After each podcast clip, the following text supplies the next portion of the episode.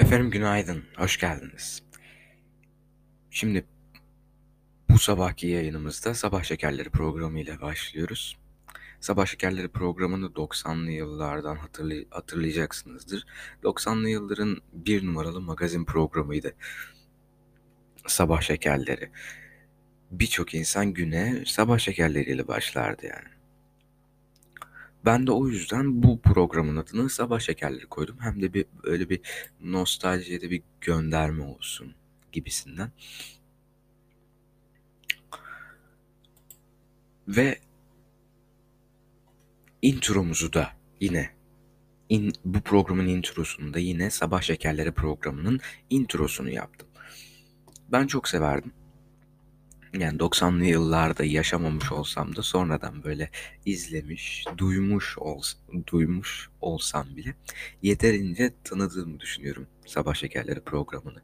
Ki sunucuları birçok skandala karıştı. İşte Vatan Şaşmaz öldürüldü, diğerinin yeğeniyle ilişkisi çıktı gibi gibi gibi birçok skandal oluştu Sabah Şekerleri programıyla. Fakat umarım bizim başımıza bunlar gelmeyecek. Sabah Şekerleri programı nedir, neyi hedefliyoruz onu da e, hedefliyorum. Onu da ufaktan açıklayayım. E, Sabah Şekerleri programı e, bir haber programı. Adından yanlış anlaşılmasa sakın. Bu bir haber programı. Haber ve yorum programı. Yarım saate sığdırmaya çalışacağım. Umarım sığdırabilirim. Tabii e, benim biraz çenem düşüktür. Bunu zamanla göreceksiniz. Kahvemi de aldım bu arada yanıma. Tabii benim biraz çenem düşüktür ve yarım saate sığdırabilir miyim? İnanın bilmiyorum. Evet, şimdi dünden seçtiğim haberler var. Günaydın dedim ya. Bunu sabah kayd sabah kaydediyorum. Normalde ben bunu 8 gibi kaydedecektim ama maalesef ki uyanamadım ve 9'da kaydediyorum. Her neyse başlayalım. Efendim siz evdesiniz değil mi? Hani böyle devlet size evde kal diyor, yasaklar koyuyor, dışarıya yalnızca belli bir saat aralığında çıkabiliyorsunuz. Çıktığınızda da maske takmak zorundasınız. Bu bildiğiniz özgürlüklerin kısıtlanması. Ha biz dedik ulan hastalıktır dedik falandır filandır dedik. Buna göz yumduk ilk başta. Ama artık yeter. Artık yeter çünkü hayat eve falan sığmıyor. Sığmıyor, ölüyoruz her geçen gün bizim beynimiz ölüyor. Evde kaldığımız her gün bizim beynimiz ölüyor. Peki kimler evde kalıyor? Bir tek biz evde kalıyoruz. Yani biz derken neyi kastediyorum? Bu ülkenin akıllı kesimi evde kalmayı tercih ediyor. Ha belki de o kadar akıllı değiliz çünkü evde kalmayı tercih ediyoruz. Kimler dışarıda? Gençlik ve Spor Bakanlığı dışarıda mesela Boğaz'da fasıllı fetih kutlaması yaptı herifler ya. Fasıllı fetih kutlaması. Ulan bizi eve tıkıyorsunuz. Bizim psikolojimizi alt üst ediyorsunuz. Yerli bir ediyorsunuz. E, siz bunu kendinize nasıl hak görüyorsunuz? Ha? Siz bakanlıksınız lan çok da öyle önemli bir şey değilsiniz yani. Yani dandirikten bir memursunuz ulan. Siz bunu nasıl kendinize bir hak olarak görüyorsunuz? Biz evde kalıyorsak siz de evde kalacaksınız. Biz nasıl öyle publara falan filan gitmiyorsak, kendimizi zor tutuyorsak siz de tutacaksınız, yapmayacaksınız. Fasıllı fetih kutlaması nedir lan? Oğlum vizyonunuzu bir kere geliştirin. Fasıl ne? Ha, fasıl iyidir. Fasıllı fetih kutlaması ne? Affedersiniz. Fasılı severim. Fasıllı fetih kutlaması ne ya? Ya vizyonunuzu bari biraz geliştirin anlaşıldı mı? Anlaşıldı mı sanki emir veriyorum. Geçtim diğer haberimize. AKP'liyim yaktınız bizi dedi. Hasat ettiği karpuzu yere attı. Şimdi bunu dün haberlerde de gördüm. Fox Haber'i izliyorum. O haberlerde de gördüm akşam. İçim tabii bir cız ediyor. İster istemez cız ediyor. Çünkü adamlar zor koşullarda ürettikleri karpuzu en çok 70 kuruşa hatta 71 70 kuruş bile değil 50 kuruşa satıyorlar kilosunu. Böyle zincir marketlere. E zincir marketlerde de görüyorsunuz zaten. Yani bütün hepsi karpuzu almış kilosu 5 liradan 6 liradan satıyor. Kilosunu bu arada. E ulan bu çiftçi ne yapsın? Diyorum ilk başta. Neyse ki o baştaki AKP'liyim kısmını görüyorum ve şunu anlıyorum. Ulan bu adamlar acı çekiyor. Evet çok yazık. Ama bu adamlar bunu hak etti. Bu adamlar bunu hak etti çünkü bunu tercih etti onlar. 2018'de de, daha önce de, daha sonra da bu adamlar bunu tercih etti. Bu adamlar muhafazakar bir adam. AK Parti'yi desteklemelerine ben şaşırmıyorum. Ben şaşırmıyorum. Ancak şimdi bu adamların yanmasına hiç üzülmüyorum. İnanın. Gerçekten. Yere atılan karpuzları falan filan görüyorum tamam. Ama bunu siz te- kendiniz tercih ettiniz. Kendi düşen ağlamaz. Siz tercih ettiniz bunu siz. Siz oy verdiniz AK Parti'ye ve siz bunları yapmalarını göz yumdunuz. Geç kaldınız. Geç kaldınız. Ha şu da var. Ulan bu adamlar şimdi böyle böyle der. Ulan yarın iki tane milletvekili oraya gider falan filan işte böyle. Sohbet, muhabbet. Hop oyları tekrardan AK Parti'ye döner. Bu adamların oylarını değiştirmeye yönelik çok kapsamlı bir seçim pro seçim propagandası yapmaya hiçbir şekilde gerek yok AK Parti açısından. Muhalefet kıçını da yırtsa affedersiniz bu adamlardan oy alamaz. Çünkü bu adamlar nasıl bir adam? Nasıl adamlar biliyor musunuz? Yani ulan bu AK Parti iyice bozdu. Ben bu AK Parti'yi cezalandırmak için MHP'ye oy vereceğim tarzı adamlar bunlar. O yüzden ben gram üzülmüyorum bu adamlara. Geçmiş olsun artık. Ne diyelim. Murat Sancak. E, Sedat Peker iddialarını izliyorsunuzdur. Ben de izliyorum her sabah. Hatta bununla ilgili özel bir program da yapacağım. Ha biraz geç mi kaldık? Evet ben hem de bayağı bir geç kaldık. Ama artık ne yapalım? Murat Sancak e, Serhat Peker'in videos, videosunda, son videosunda Berat Albayrak'ın evinde kaldığını belirtmişti. Berat Albayrak Murat Sancak'ın evinde kalıyor. Beylikdüzü'nde demişti Sedat Peker. Murat Sancak bu iddiayı yalanladı. Aynı zamanda da şunu dedi yani e, evime hiçbir zaman gelmedi gelse başımın üstünde yeri var ağırlamaktan şeref duyarım diye cevap verdi. Şimdi e, tabii ki yalanlayacaktı yani başka bir şey mi bekliyorduk ben beklemiyordum açıkçası yani yalanlamaktan başka bir çaresi ya da bir seçeneği yok Murat Sancak'ın. Eh yalanladı geçti. Yapacak bir şey yok. Ha bunun üzerine Sedat Peker bir video daha çıkartır mı kanıt niteliğinde bir video daha ya da bir fotoğraf daha yani Berat Albayrak'ın Murat Sancak'ın evine girdiği bir fotoğrafı o, o esnada çekilmiş bir fotoğrafı pas, paylaşırsa sosyal medyadan çok büyük olay olur. Yani Murat Sancak da bu şekilde göt olmuş olur. Ha şu da çok ilginç. Ulan bir mafya lideri devlet bakanını Süleyman Soylu'yu göt edebiliyor ya. Ya siz ne yaptınız ya? Siz zamanında ne hurmalar yediniz ulan? Nasıl hurmalar yediniz? Şimdi de peşinizi bırakmıyor. Sen Süleyman Soylu'nun nasıl hurmalar yediğini Sedat Peker sağ olsun anlatıyor. Bir mafya liderinden duymak da birazcık garip ama en azından öğrenebiliyoruz yani e, işte Demokrat Parti Genel Başkanlığını oynarken DYP'nin içindeyken falan filan hep bu Sedat Peker'i kullanmış. Aynı şekilde Mehmet Ağar gibi Mehmet Ağar da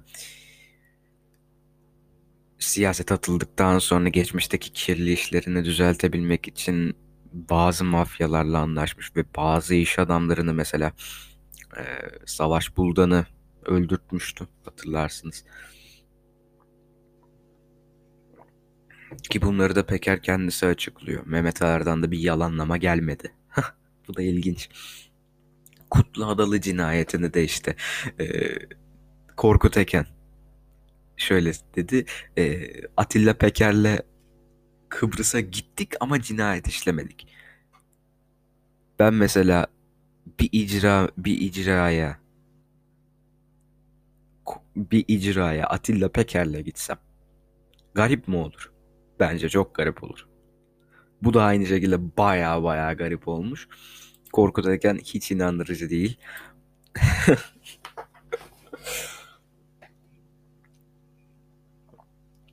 Kıbrıs Atilla Peker'le gidip cinayet işlemeden geri döndük. Açıklamaya bak ya. Salda Gölü. Onu bunu bırakalım. Şimdi önemli. Çevrede, çevremize birazcık e, önem vermemiz gerekiyor. Efendim NASA'nın 18 Şubat'ta attığı bir attığı bir e, tweet'i okuyorum size şimdi. Kimse kimse Mars'a ayak basmadı. Ama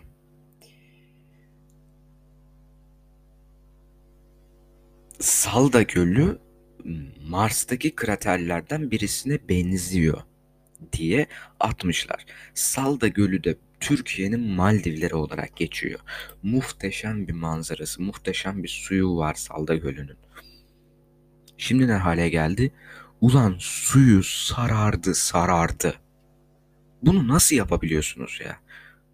NASA ayak ayakkabıyla bile girmemelisiniz demişti. Salda Gölü, Salda Gölü için. Ama siz ulan sarı lan su, suyu sarı sarı. Ne hale getirdiniz ulan?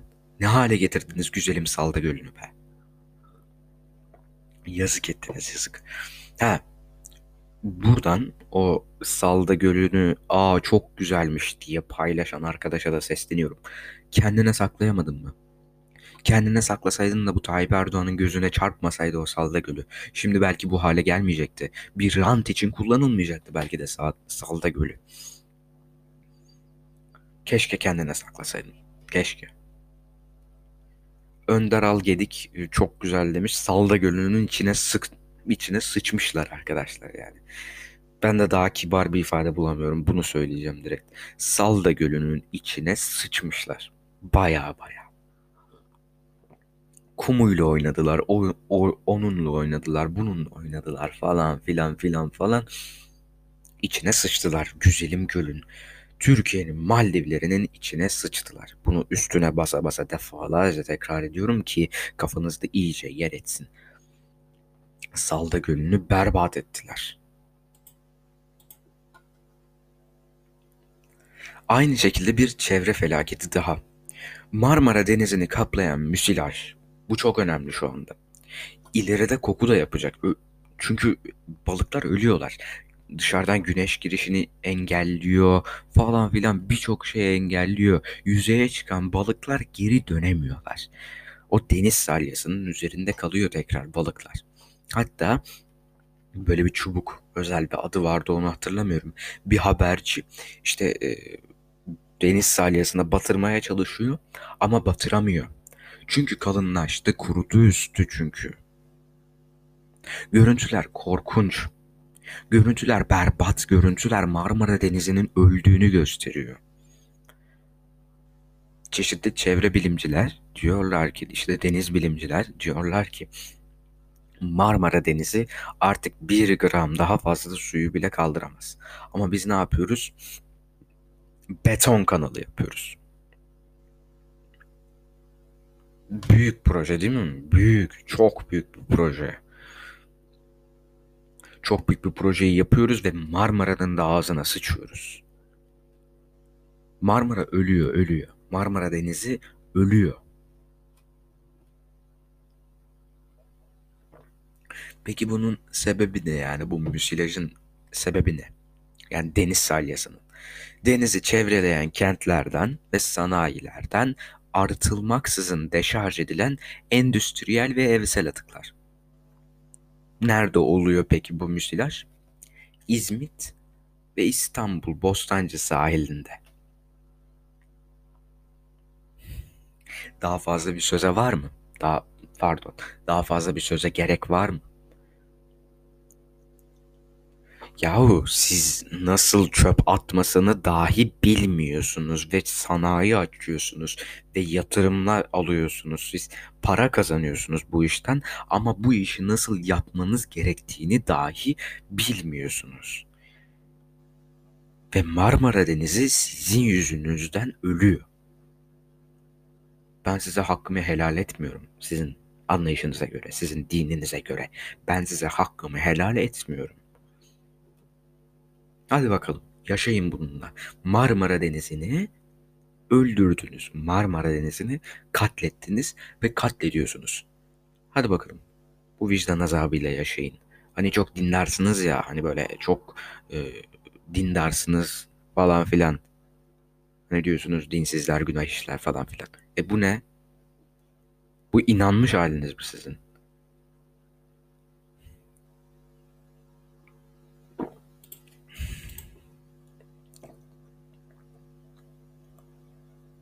Sabah gazetesinin haberini size paylaşmak istiyorum. Çünkü e, Sabah gazetesi Sabah gazetesi birazcık komik bir başlık atmış dün. Komik bir yazı paylaşmış, komik bir haber paylaşmış. Diyor ki CHP, İyi Parti ve HDP'nin yeni operasyonu erken seçim. Dış güçler tarafından hazırlanan bir CHP, İyi Parti ve HDP'nin desteklediği bu bu operasyonun adı demokrasi operasyonu. ne yani bu demokrasi istediler diye vatan haini mi oldular? Erken seçim bundan başka bir şey değil. He şundan emin değilim. Eğer siz halktan korkuyorsanız onu bilemem.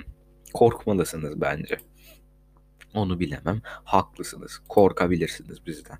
Ee, yani sandıktan korkuyor Tayyip Erdoğan. Bunu artık anlamış, anlamışsınızdır yani.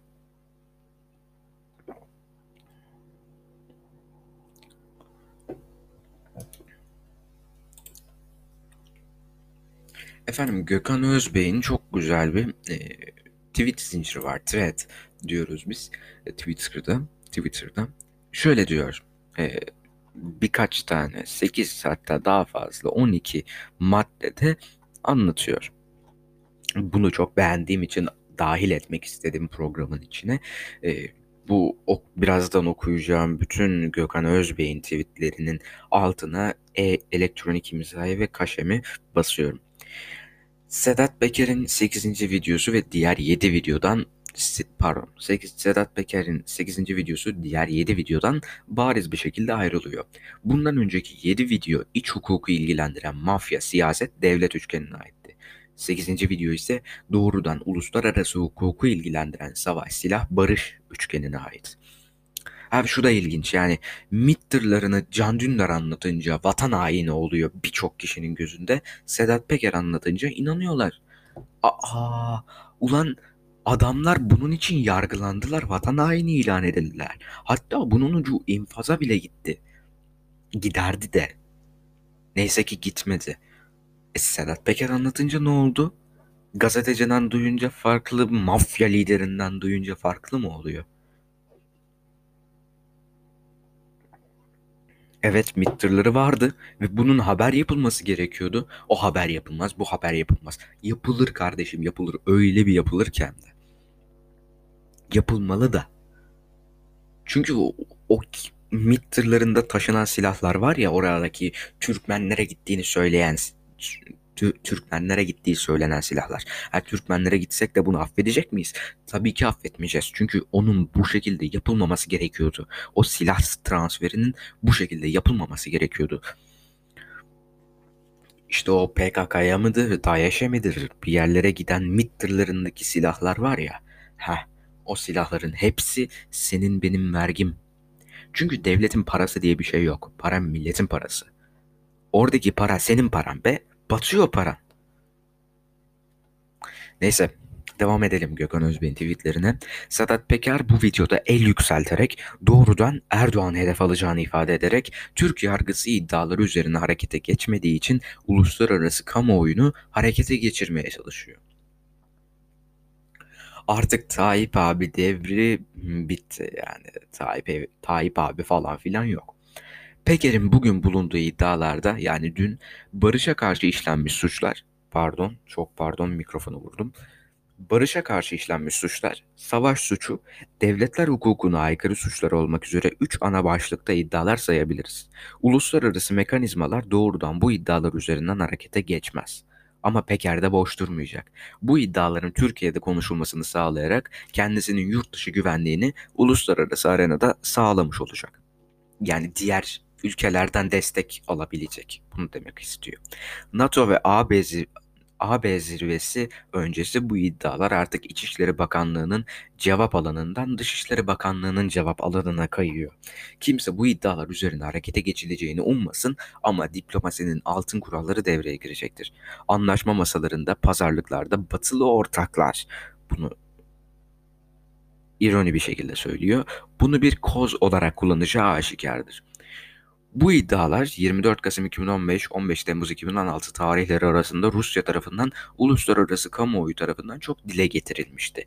Fakat Türkiye darbe girişimi sonrası Rusya ile yakınlaşması ile Rusya bu uluslararası iddialarını dondurdu.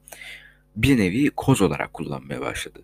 Burada iki ihtimal göz önüne geliyor. Sedat Peker ya Rusya'ya bu kozlarını hatırlattı ya da batılı müttefiklere bu kozun Rusya'dan alınmasını sağlıyor. Hangisi güçlü derseniz kestirmek zor. Ama artık kimse bu videoları mafya, devlet, siyaset hesaplaşması olarak ele almasın. Zira 7. videoda söylediği uluslararası hukuk okuyorum mesajı bu videoda gerçek oldu. Şimdi 9. videoda ne kadar el yükseltecek görmek lazım. Salı, çarşamba günü Bahçeli ve Erdoğan'ın açıklamaları bu kavganın uluslararası tavrını da gösterecektir. Olay artık Marina'dan, Köfteci Yusuf'tan IŞİD'e savaş silahlarına evrildi. Salı ve çarşamba günleri Bahçeli ve Erdoğan'ın yapacağı açıklamaları ben heyecanla beklemiyorum. Beklemiyorum bunun üstüne basa basa söyleyeyim de. Çünkü söyleyeceklerini ya da söylemeyeceklerini adım gibi biliyorum konuşmayacaklar. Görmezden gelecekler. Ciddiye almadıklarını belirtecekler. Ama belki de yanlış da çıkabilirim. Bakacağız.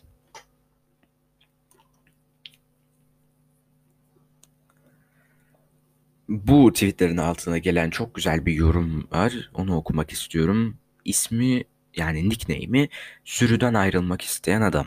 Şöyle diyor. Ben tek şey düşünüyorum. Eğer bu iddialar doğru ise bunca canımızı vatan için değil de bazı kişilerin ekonomik menfaati için mi şehit verdik? Bu soru beni çok fazla rahatsız ediyor. Evet, tam olarak da o yüzden şehit verdik. Zaten herkes bu yüzden bedelli askerliğe gitti. Birkaç kişinin ekonomik menfaati için şehit olmamak istedikleri için bedelli gittiler. Mantıklı olan da oydu zaten. Devletler para bulmak için çeşitli şeyler yapabilirler. Mesela vergi alabilirler. Ama yapmayacakları şeylerden birisi nedir biliyor musunuz? Silah satışı, silah satışı ve bunu yasa dışı bir şekilde silah satışı, ayrıca uyuşturucu ticareti. Devletler bunları yapmazlar. Bunlarla mücadele ederler. Devletler mafya olmazlar. Devletler mafya gibi haraç toplamazlar milletten. Bu haraca bu haracın hukuk hukuka dayalı haline de biz zaten vergi diyoruz. Hani bir söz vardır ya mafya arkasına hukuku alırsa devlet olur. Tam olarak öyle. Devletin o konuma gelmemesi gerekiyor. Ama Tayyip Erdoğan ve bundan daha öncekiler Tansu Çiller bunu defalarca maf mafyayı devlet haline getirmiş ve devleti de mafya haline getirmişti. Bugünlerin sorumluları hala daha yaşıyor. Tansu Çiller, Mehmet Ahar hala yaşıyor bunlar. Bugünlerin sorumluları onlar. Ayrıca da Süleyman Soylu ve Tayyip Erdoğan. Evet yaptık 24 dakika daha. Dedim ya benim çenem düşüktür bunu zamanla daha iyi göreceksiniz. 24 dakikadır bir türlü bitiremedik daha. AKP Grup Başkan Vekili Turan, Bülent Turan biliyorsunuz avukattır kendisi de. Yemişim onun avukatlığını. İlim heyeti anayasa çalışmasını bitirdi. Buradaki ilim heyeti kelimesini duyunca bir şöyle bir gülme geliyor. Ama ondan sonra kendimi toparlıyorum ve diyorum ki ya bu, bu ilim heyeti ne ya? İlim heyeti ne? ne yani? Ulan hukukçulara siz ilim heyeti mi diyorsunuz? Hukukçularımız desenize. Anayasa çalışmasını bitirmiş. Ondan sonra da işte ilk önce Cumhur İttifakı ile paylaşacaklarmış. Ondan sonra da meclise getireceklermiş. E ulan sizin sayınız yetmiyor. Sizin koltuk sayınız yetmiyor bu anayasayı kabul etmeye. Onu ne yapacağız? işte muhalefeti ayrıştırmaya çalışanlara da inat bunu e, ısrarla tekrarlamamız gerekiyor. Muhalefetin parçalanmaması gerekiyor arkadaşlar. Muhalefetin tek parça olması gerekiyor. Özellikle de böyle durumlarda. Çünkü şu anda Cumhur İttifakı muhalefetin desteğini almadan herhangi bir kanun çıkartamıyor. Yani anayasa değişikliği yapamıyor onu söyleyeyim. Anayasa değişikliği yapamıyor. Aynı şekilde Tayyip Erdoğan'ın bir daha seçilebilmesi için de anayasa değişikliği yapılması gerekiyor. Onu da yapamıyor. Çünkü koltuğu yetmiyor. İşte muhalefetin bugünler için tek başına durması gerekiyor. Yek vücut halinde olması gerekiyor. Hem muhalefete de yanlış muhalefet ediyor falan filan diyorsunuz ya. Hani böyle Atatürk'e edilen hakaretler falan filan vardı. Vardı ya. On, ondan sonra İmam Hatipliler Derneği bu Atatürk'e edilen hakaretler hakkında kınama mesajı açıkladı. O mesajın altyapısını siz bilmiyorsunuz. O mesaj atılmadan önce neler yaşandığını siz kınamıştınız daha önce. Cumhuriyet Halk Partililer gidip o İmam Hatiplilerle konuştuğunda aa CHP sağcılaşıyor demiştiniz. E ulan adamlar bize bir şeyler kazandırabildiler. Muhalefete bir şeyler kazandırabildiler ki 140 140 Jornos artık nasıl okunuyorsa o kanalın yaptığı CHP zihniyeti adlı videoyu da mutlaka izlemenizi istiyorum. İzlemenizi tavsiye ediyorum. Çünkü Kemal Kılıçdaroğlu'nun aslında ne kadar akıllı ve akılcı bir parti lideri olduğunu ve istediğim muhalefeti yaptığında nasıl başarıya ulaştığını biz hepimiz gördük. Bunun hakkında çok güzel bir belgesel olmuş mutlaka tavsiye ediyorum. Sertaçak'tan Sertaçak'tan şöyle bir tweet zinciri yapıyor. Bunu da sizinle paylaşmak istiyorum. Bunu da beğenmiştim. E, çok uzun değil. 8 tweetlik. Çok uzun değil artık yani. 8 tweet'e çok uzun değil diyoruz. Peker'in strateji sebebiyle söylemediklerini ve tutarsızlıklarını analiz edelim mi? 1. İçişleri Bakanlığı'nda bir deli oturuyor diyor. 20 yıldır yatırım yapıyordun da anlayamamış mıydın? Bu oyunda kimse deli falan değil. Yatırım yaptığı adam Cumhurbaşkanlığını oynuyordu. O da nemalanacaktı.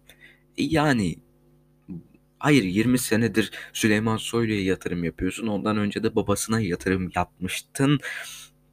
Bunu, bunu kendin açıklıyorsun. E ulan şimdi deli diyorsun. Hayır. Sedat Peker bu oyundan, bu planlardan menfaat alamayacağı için bu videoları yapmaya başladı. Ve şimdi de İçişleri Bakanlığı'nda oturan delinin canını okuyor. Tüm bunlar Alaaddin Çakıcı'nın çıkmasıyla başladı. Onu çıkartan kim? Mafya tanımayız diyen MHP ve Bahçeli'nin baskısı. Neden videolarda onlara henüz bir şey yok? Çünkü poliste, orduda, bürokraside kendi adamları, tabanı hepsi ülkücü MHP'li tipler. Süleyman Soylu ve Berat üzerinden yürütmeye mecbur. Zaten şu anda MHP kilit nokta.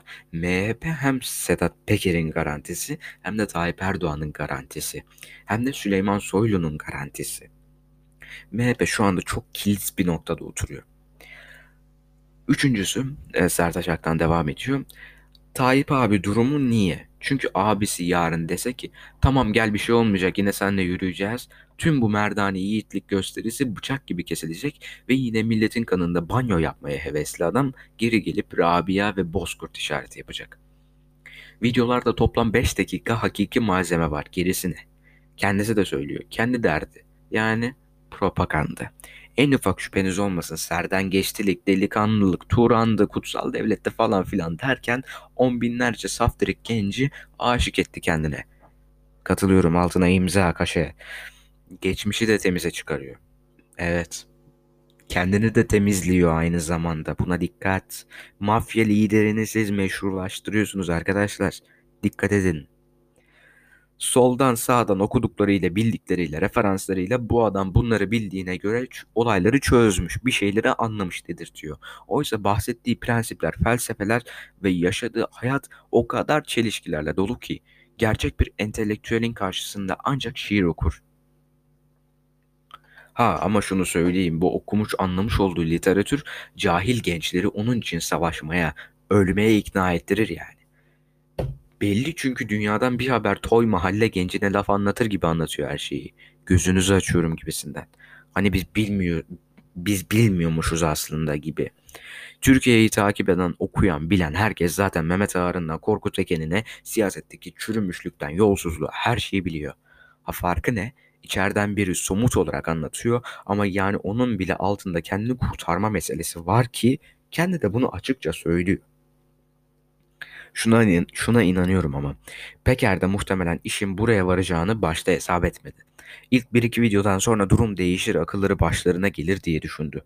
Şu anda vites yükseltmekten başka hiçbir seçeneği kalmadı. E iktidar da aynı durumda. Kontrolsüz büyük çarpışma olacak. E şimdi Sedat Peker'i tekrardan geri çağıramaz. E Süleyman Soylu var. E Süleyman Soylu'yu atamaz. E MHP var. E MHP ile arasını bozamaz. E seçim var. Yani AK Parti şu anda tam olarak kazığa oturdu oturacak. Bayağı amiyane tabirle kazığa oturdu oturacak. Bakacağız neler olacağını. Efendim bu akşam biliyorsunuz Tayyip Erdoğan kabine toplantısından sonra yeni normalleşme planını açıklayacak. Peki bu normal, normalleşme planı ne zaman başlıyor? 1 Haziran. E 1 Haziran ne? Yarın. Efendim bu nasıl bir plansızlıktır ya? Bu nasıl bir plansızlık? Yani yarın başlayacak olan normalleşmeyi biz bugün öğreniyoruz. Bakın dikkat edin. Bugün gündüz de değil. Hadi bugün gün içerisinde hazırlıklarını yapar esnaf falan filan restoranlar açılacaksa hazırlıklar yapılır falan filan derken e ulan akşam öğrenecek. E birçok esnafın hazırlığını hazırlığı yapamayacak birçok esnaf. Birçok esnaf. Ya birazcık plan birazcık plan yapsan yapsanız sayın devlet büyüklerimiz artık ne kadar büyüklerse birazcık plan yapsalar her şey çok daha rahat olacak. Her şey çok daha güzel olacak zaten. Ama yapmıyorlar. İnatla yapmıyorlar. Yapmaları gerekiyor. Buna dikkat çekiyorum. Yapmaları gerekiyor. Zaten hukuksuz bir yasak. Zaten hukuksuz yasaklar getirdiler. Şimdi de bunu plansızlıkla taçlandırıyorlar. Yapmayın yapmayın. Birazcık hukuk ve plan ya. Başka bir şey değil. Çok büyük bir şey istemiyorum sizden. İstemiyoruz pardon. Tekil konuşmayayım. Birazcık hukuk ve birazcık plan. Başka bir şey değil. Geçtim. İsmail Saymaz'ın dün yazdığı çok güzel bir yazı var çok güzel bir yazı var. Bu yazının içinde de e, devletin nasıl mafyalaştığına dair, nasıl mafya haline geldiğine dair çok güzel bir e, yazı, çok güzel içerikler de var. Ama yazının asıl maddesi bugün Akşener'e Akşener'e Rize'de yapılan provokasyonun aynıları Tayyip Erdoğan İBB Başkanı iken de Tayyip Erdoğan'a yapılmıştı. Hani Rize o dönem e, Mesut Yılmaz'ın şehriydi ya. ANAP Genel Başkanı, Anavatan Partisi Genel Başkanı Mesut Yılmaz'ın şehriydi ya. Tayyip Erdoğan da Tayyip Erdoğan da o dönem İBB, İBB başkanıydı. Onu da sokmamışlardı Rize'ye. Hatta ANAP'lı müteahhitler falan böyle traktörlerle, kamyonlarla falan Tayyip Erdoğan'ın otobüsünü kes, otobüsünün yolunu kesmişlerdi falan. Bunlara değiniyor İsmail Saymaz. Okumanızı da tavsiye ediyorum. Dünkü yazısı Sözcü'de Şöyle diyor, Rize'de Akşener'e yönelik provokasyonları için Erdoğan güzel ders verdiler dedi. Ki bu da alçakça bir şeydir yani alçakça bir söylemdir. Çünkü siz bildiğiniz tehdit ediyorsunuz muhalefeti. Hem de niçin? Muhalefet ettiği için. Ha, gerekçe olarak da şunu söylüyor. Netanyahu bebek katillerinin bebek katillerine benzetmiş. E ulan siz FETÖ'cülere benzetiyorsunuz. Siz PKK'lılara benzetiyorsunuz. Onlar terörist değil mi? Onlar bebek katili değil mi? Onlar it değil mi? Pardon. E siz yıllardır bizi benzetiyorsunuz. Bizi PKK'lılara benzetiyorsunuz. Bizi FETÖ'cülere benzetiyorsunuz. Bizi bebek katillerine benzetiyorsunuz. E ne oldu şimdi? Ne oldu? Şimdi de şiddeti ve provokasyonu ve dayağı Cumhurbaşkanı, Türkiye Cumhurbaşkanı meşrulaştırıyor. Yazıklar olsun. Başka diyeceğim hiçbir şey yok bu konuda. Yazıklar olsun. Yazının içerisinde de şöyle devam ediyor. Ali Paşa plajına çöktüler. Rizeli müteahhitler açısından partiler değişse de hani iktidara AKP geldikten sonra oradaki müteahhitler ANAP'tan hemen AK Parti'ye döndüler ya. Ona ona dikkat çekiyor. Rizeli müteahhitler açısından partiler değişse de kazanan kasa olmalıydı. Dakikasında reisçi hemen Tayyip Erdoğan'ı desteklemeye başladılar. Mehmet Cengiz onlardan biri. Bugün Rize canlı ve cansız varlıklarıyla Cengiz Holding'e zimmetlendi. Rize Artvin Havalimanı ve İyidere Lojistik Limanı derken şu günlerde taş ihtiyacı için İkizdere'deki İşkencedere Vadisi Cengiz'e verildi. Yani bu ne? Bu mafya düzeni arkadaşlar. Bu mafya düzeni zorla, hukuksuz bir biçimde bir yerleri almaya çalışıyorlar. Bir yerlere çöküyorlar bu adamlar. Bu adamlar şu anda mafya düzenini arkalarına da hukuku alarak yapıyorlar. Hukuku demeyeyim arkası, arkalarına devlet kavramını alarak yapıyorlar. Ve hiç kimse de bu adamlara laf söylemiyor. Çünkü devletçiyiz ya. Çünkü acayip devletçiyiz ya biz. O yüzden laf söylemiyorlar. Ama söylememiz gerekiyor. Söylememiz gerekiyor inatla.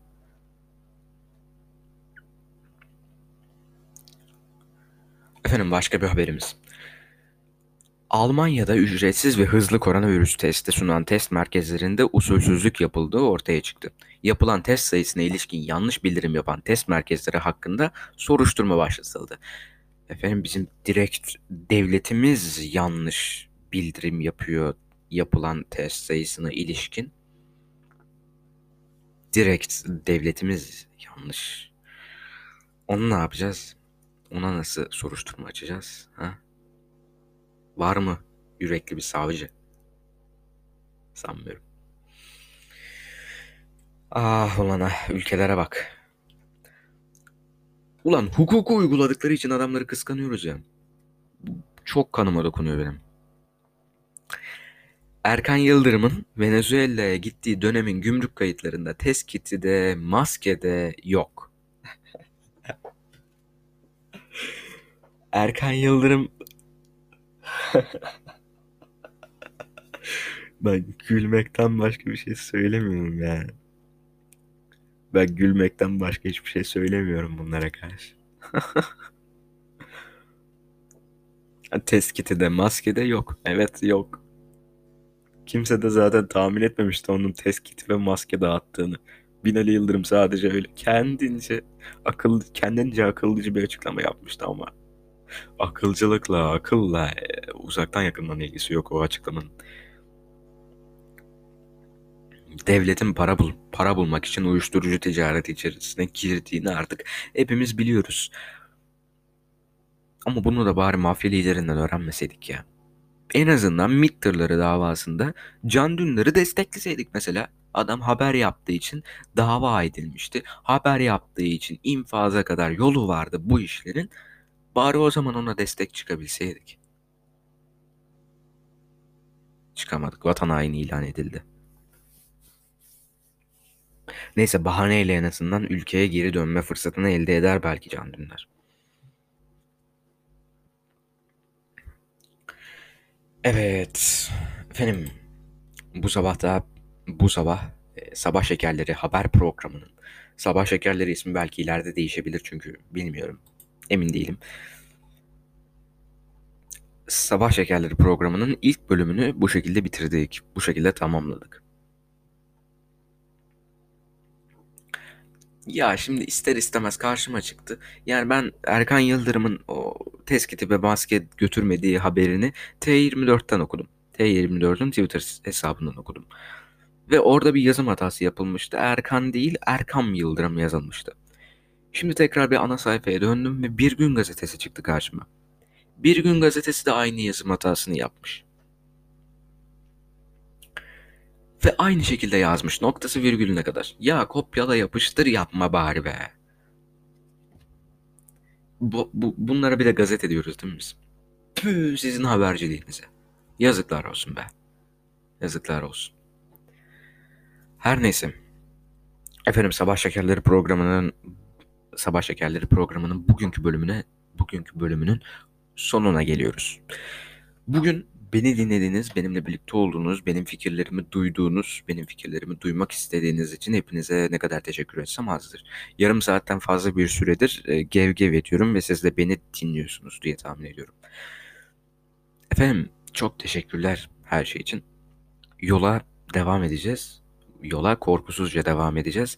İsmimi ilk başta ilk başta vermemeyi düşündüm. Çünkü siyasi konuşuyoruz falan filan ama kaderimizden, hayatımızdan e, korkuyu çıkartmamız gerektiğini düşünüyorum. Bu yüzden de ismimi gururlu bir şekilde, cesaretli bir şekilde veriyorum. Efendim, kendinize çok çok iyi bakın. Ben Onur ve bu Sabah Şekerleri programıydı. Pod Pop Podcast'ine tüm hızıyla deva tüm hızla devam edeceğiz. Pop Podcast'i çok güzel bir podcast olacak olmaya devam edecek. Kendinize çok çok iyi bakın. Görüşmek üzere. Hoşçakalın.